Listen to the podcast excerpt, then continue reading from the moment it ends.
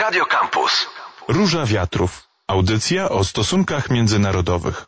Marcin Uniewski, a moim i waszym gościem w Radio Campus jest e, Mariusz Kowalczyk, korespondent w Ukrainie, dziennikarz magazynu Press. Witam serdecznie Mariuszu. E, witam, dzień dobry.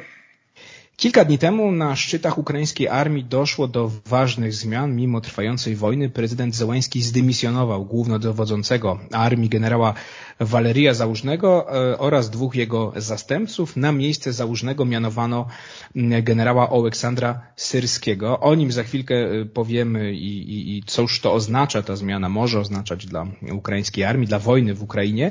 Natomiast powiedzmy na początku, skąd ta zmiana? No bo Zełański nie podał bezpośredniej przyczyny odwołania Załużnego. Nie obarczył go też bezpośrednio winą za sytuację na froncie, za porażki, e, jakie się zdarzały ukraińskiej armii.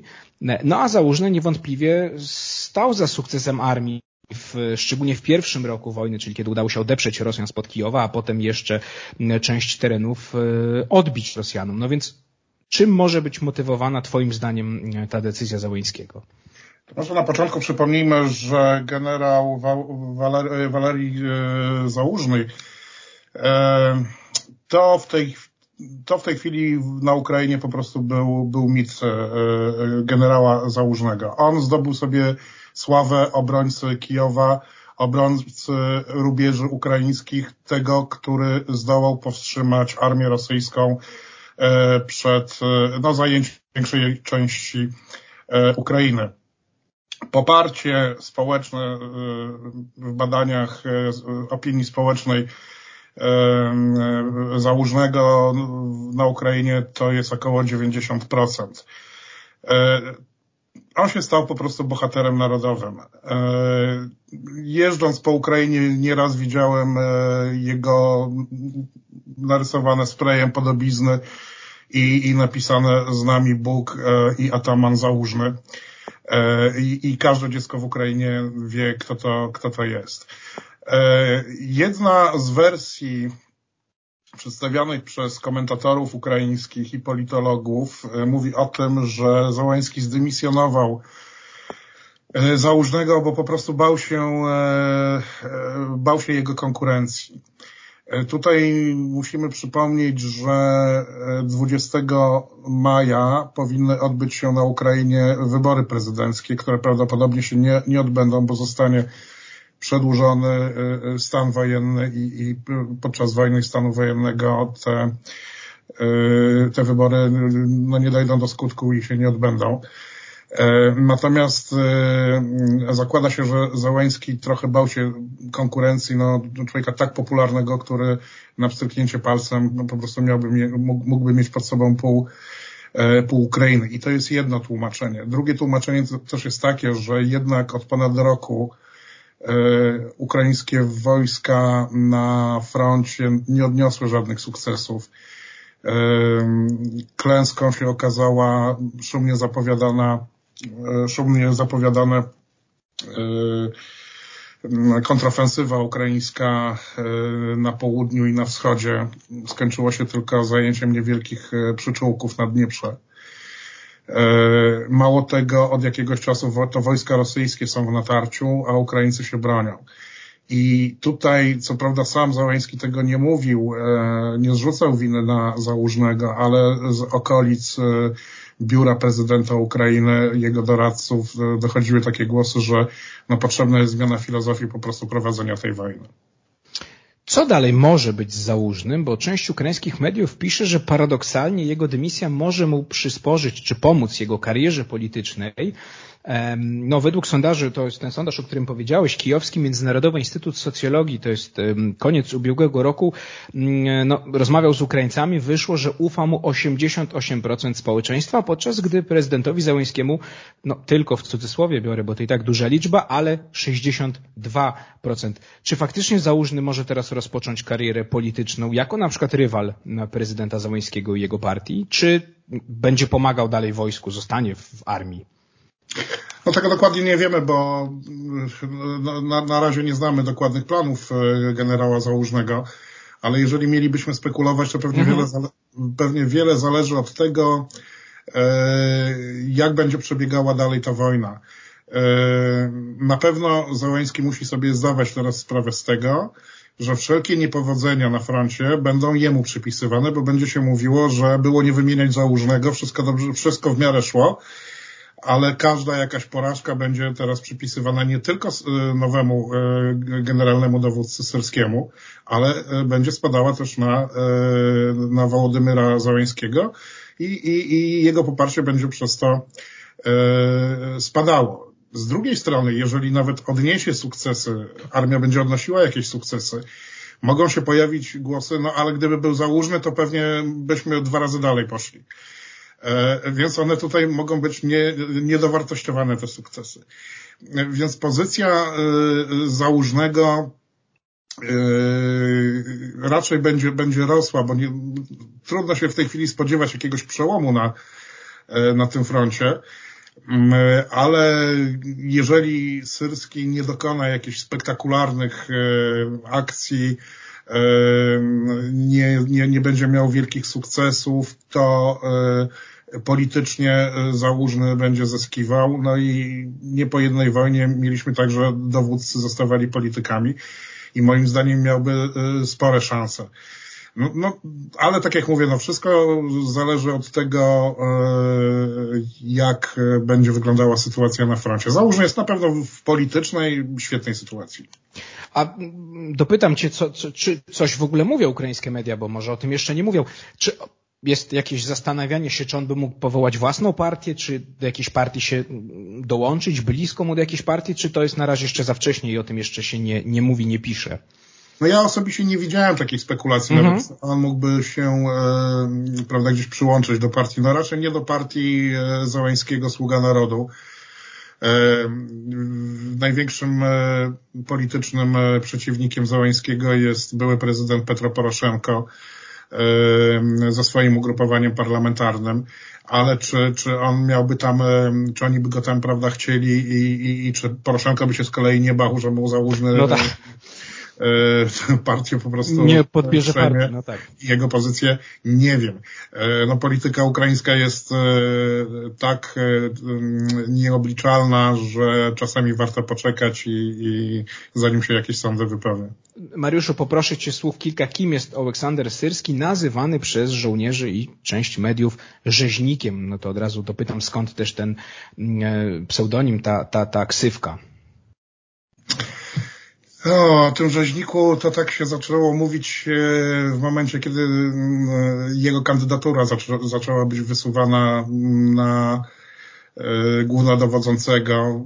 Wcześniej raczej nie przypinano mu publicznie, przynajmniej publicznie, może mhm. żołnierze tak mówili, nie wiem, e, tego, tego przydomka rzeźnik, ale myślę, że tutaj bardzo się postarała propaganda rosyjska, żeby wokół niego właśnie ten E, taką nie, nie, niezbyt e, ciekawy obrazek rysować.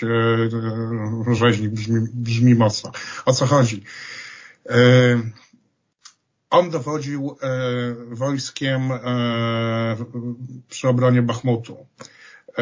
Ukraińcy ponosili tam okropne straty, jednostki elitarne były dziesiątkowane.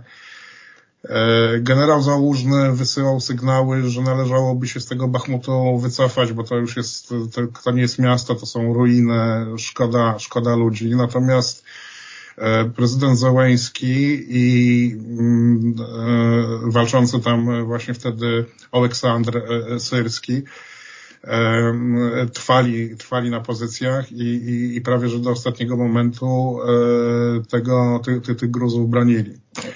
Oczywiście e, oni argumentowali w ten sposób, a, szczególnie Syrski argumentował, że e, straty, które ponoszą Rosjanie atakując e, wojska ukraińskie w tym Bachmucie są tak duże, że brońmy się jak brońmy się tyle, ile możemy, po prostu wybijemy tyle, tyle Rosjan, wtedy tam grupa Wagnera walczyła, przypomnijmy, zabijemy tylu Wagnerowców i zniszczymy im tyle sprzętu, ile się tylko da. Więc jak, jakaś racjonalność e, w obronie tego Bachmutu była. Natomiast wtedy e, żołnierze wśród, wśród wojska szczególnie no, pojawiło się e, takie takie, takie określenie właśnie jak, jak, jak, jak rzeźnik, zaczęto mówić, że on nie bardzo zwraca uwagę na życie swoich podwładnych. Tym bardziej łatwo było to mówić, że kojarzy się go no cóż, jeszcze z Armią Radziecką. On kończył moskiewski, Moskiewską Akademię Dowódczą, no to taka elitarna uczelnia jeszcze za czasów Związku Radzieckiego. E, no i przypina mu się e, taką opinię, e, że właśnie no, był kształcony tak jak większość rosyjskich dowódców, czyli nieważne ilu się ludzi straci, ważne, że się tam posunie 500 metrów front. Zarzuca mu się, no niektórzy mu zarzucają też, że jest etnicznym Rosjaninem, bo pochodzi ze wsi koło miasta Włodzimierz, jest tak na 200, wschód, 200 kilometrów na wschód od Moskwy. Tam się uczył, tam jeszcze jego rodzina mieszka i służył w armii radzieckiej właśnie na Ukrainie podczas jeszcze czasów jeszcze w czasach komunistycznych. Kiedy Ukraina ogłosiła niepodległość w 1991 roku, oficerowie mieli, służący w armii radzieckiej na terenie Ukrainy, mieli tę możliwość, że mogli przyjąć po prostu obywatelstwo ukraińskie i dalej służyć tylko w armii ukraińskiej. I tak właśnie postąpił Syrski. E, potem piął się na, e, na właśnie na dowódczych kolejnych e, stopniach oficerskich i, i stanowiskach dowódczych. Ostatnio był dowódcą wojsk lądowych. Wykazał się, znaczy walczy w, ogóle od 2014 roku, czyli od momentu, kiedy separatyści E, w Donbasie przejęli e, część e, obwodów Ługańskiego i Donieckiego i on tam się z nimi ścierał. I, i, i, zabierał im te ziemie, które ci separatyści zajęli, między innymi takie miasto z poletem jak Słowiańsk. I się bardzo tam odznaczył. Dobrze dowodził. Największym jego sukcesem było wyprowadzenie z okrążenia ukraińskich wojsk w miejscowości Debalcewo, e, gdzie już powst... no te wojska były po prostu okrążone, groziło im absolutne unicestwienie. E, on dowodząc w polu wtedy po prostu generał taki polowy mhm. E, doprowadził do tego, że no w sumie te wojska ukraińskie bojem przerwały się przez, przez, przez okrążenie E, potrafił tak te wojska ustawić, że wyrąbał sobie po prostu taki korytarz, e, przez który mm, wyprowadził żołnierzy, no, uratował ich życie. Także tutaj mm, mówienie o rzeźniku raczej e, nie, nie jest adekwatne. W 2022 roku natomiast, kiedy w lutym zaczęła się inwazja na pełnoskalowa na Ukrainę, on dowodził obroną e, Kijowa e, i przypisuje się mu zasługę, że Rosjanie do tego Kijowa e, nie weszli. E, podzielił e, obronę Kijowa na dwie linie e, i dzięki temu no, Rosjanie odbili się po prostu od, od, od granic Kijowa. To on zarządził wysadzenie mostów, to on zaczepne, prawda, akcje przeprowadzał, tak, że Rosjanie zaczęli uciekać. Jedno, co mu się zarzuca, że nie zaczął po prostu gonić tych Rosjan i, i, i w pościgu ich tam, prawda, jak najdalej pogonić i, i jeszcze zniszczyć im jak najwięcej sprzętu i ludzi no ale po prostu wtedy armia ukraińska nie miała na tyle, e, na tyle sił. Co mu się jeszcze przypisuje, to, że bardzo dokładnie przewidział, e, analizując e, lokalizację wojsk rosyjskich jeszcze na granicach, kiedy one się tam jesienią i zimą 2000, jesienią 2021 roku i w zimie 2022 E, zbierały wokół Ukrainy te rosyjskie wojska. On analizując ich lokalizację e, bardzo dokładnie przewidział, jak będzie e, wyglądał ten atak i, i w dobrych miejscach postawił po prostu obronę. Zasłużył się bardzo też i, i zyskał sławę podczas akcji i kontrofensywy w obwodzie charkowskim podczas której został wyzwolony między innymi e, Kupiańsk, Izium i Ukraińcy prawie, że doszli do, do, do, do granicy, a w zasadzie doszli do, do, do dawnej granicy ukraińsko-rosyjskiej. On uderzył w najsłabsze miejsce Rosjan, gdzie stacjonowały najsłabsze jednostki wojskowe. No i wszedł tam jak w masło po prostu. I też trochę mu się zarzuca, że jednak e, powinien e, wykorzystać, zebrać i wykorzystać jakiś drugi rzut e, i, i, i pójść dalej, czego nie zrobił a potem Rosjanie się, Rosjanie się umocnili. Także no podsumowując, no, dowódca polowy potrafiący do, dowodzić wojskiem, z jednej strony, a z drugiej strony też sztabowiec, który, który, który, który zna się też na planowaniu E, operacji wojskowych. Także bardzo doświadczony człowiek, który wokół siebie też zebrał dosyć doświadczonych ludzi, którzy też wąchają proch, proch no, od 2014 roku w większości. Pytanie, czy wiemy też jak w armii została przyjęta, czy, czy co piszą ukraińskie media, co mówią sami Ukraińcy, mm, powiedz Mariusz, o tej, o tej zmianie, która z jednej strony mówiło się już od pewnego czasu, od czasu, że nastąpi, no a z drugiej strony y, wydaje się, że no, mm, trochę zaskakująca jednak. Cóż, ta zmiana wywołała wielkie zaniepokojenie w społeczeństwie ukraińskim, e, bo tak jak mówiliśmy na początku, e, załóżnemu po prostu Ukraińcy ufali, e, wiedzieli, że też potrafi dowodzić, ma swoje sukcesy. Prasa też pisała o tym, że niepokojące jest też to, że no, cała armia będzie, całe dowództwo armii będzie, będzie zmieniane, co oznacza pewne zatrzymanie e, zmiany, którą mogą z kolei Rosjanie e, wykorzystać. Tym bardziej, że wcześniej doszło też do zmian w Ministerstwie Obrony. No, zmienił się pan Reznikow, minister obrony. I, i, i, i, tam też całe kierownictwo zostało wymienione, także no bardzo, bardzo duże zmiany, a zmiany podczas, no, w czasie pokoju są niepokojące, a a, a w momencie, kiedy trwa wojna, no, no tym bardziej.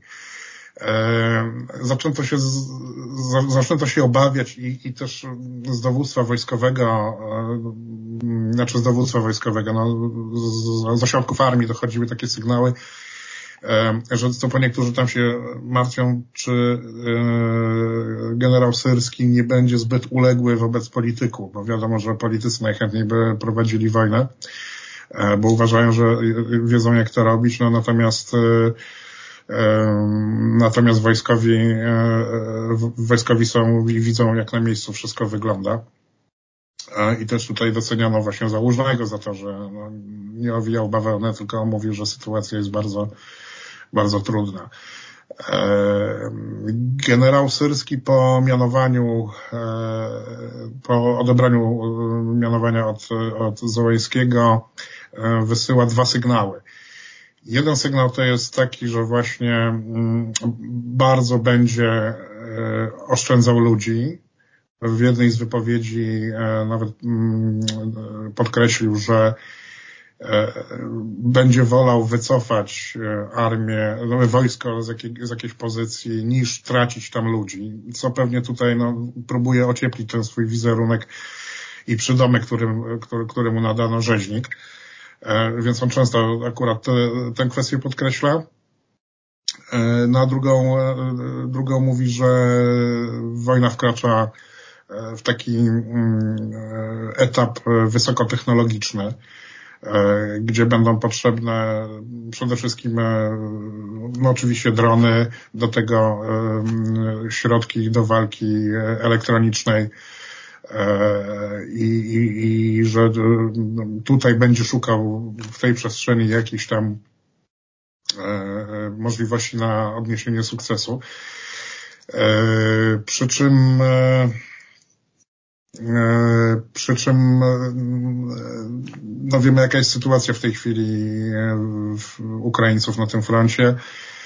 No właśnie, e, Mariuszu, jak myślisz? Oczywiście nie jesteśmy obaj e, taktykami wojskowości, ale mm, tak jak jest, słuchasz e, Ukraińców, czytasz ukraińską prasę, czy tam jest spodziewana jakaś zmiana taktyki? No bo jednak generał Syrski jest człowiekiem innym niż generał Załużny, ma inne doświadczenie mm, też wojskowe, mm, w innych akcjach też brał udział. No więc pytanie, czy coś się może zmienić, czy biorąc pod uwagę tą sytuację, która jest niestety trudna, bo Rosjanie zaczynają napierać coraz bardziej, czy on jednak będzie się, czy będzie się raczej po prostu prostu y, stosował do tego, co robił Załużny?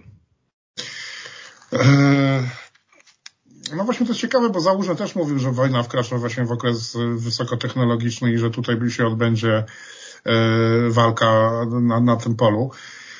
Natomiast e, czy się, kto się czego spodziewa? No na pewno komentatorzy ukraińscy, jakich czytam, no to piszą o tym, że prawdopodobnie być może będą no, z większą jakąś taką odwagą ten Syrski będzie e, planował, e, planował operacje wojskowe. On też teraz mówi, że jego głównym zadaniem w tej chwili jest opracowanie bardzo dokładne, jasne i wyraźne, jak on podkreśla, właśnie zaplanowanie operacji wojskowych na 2024 rok.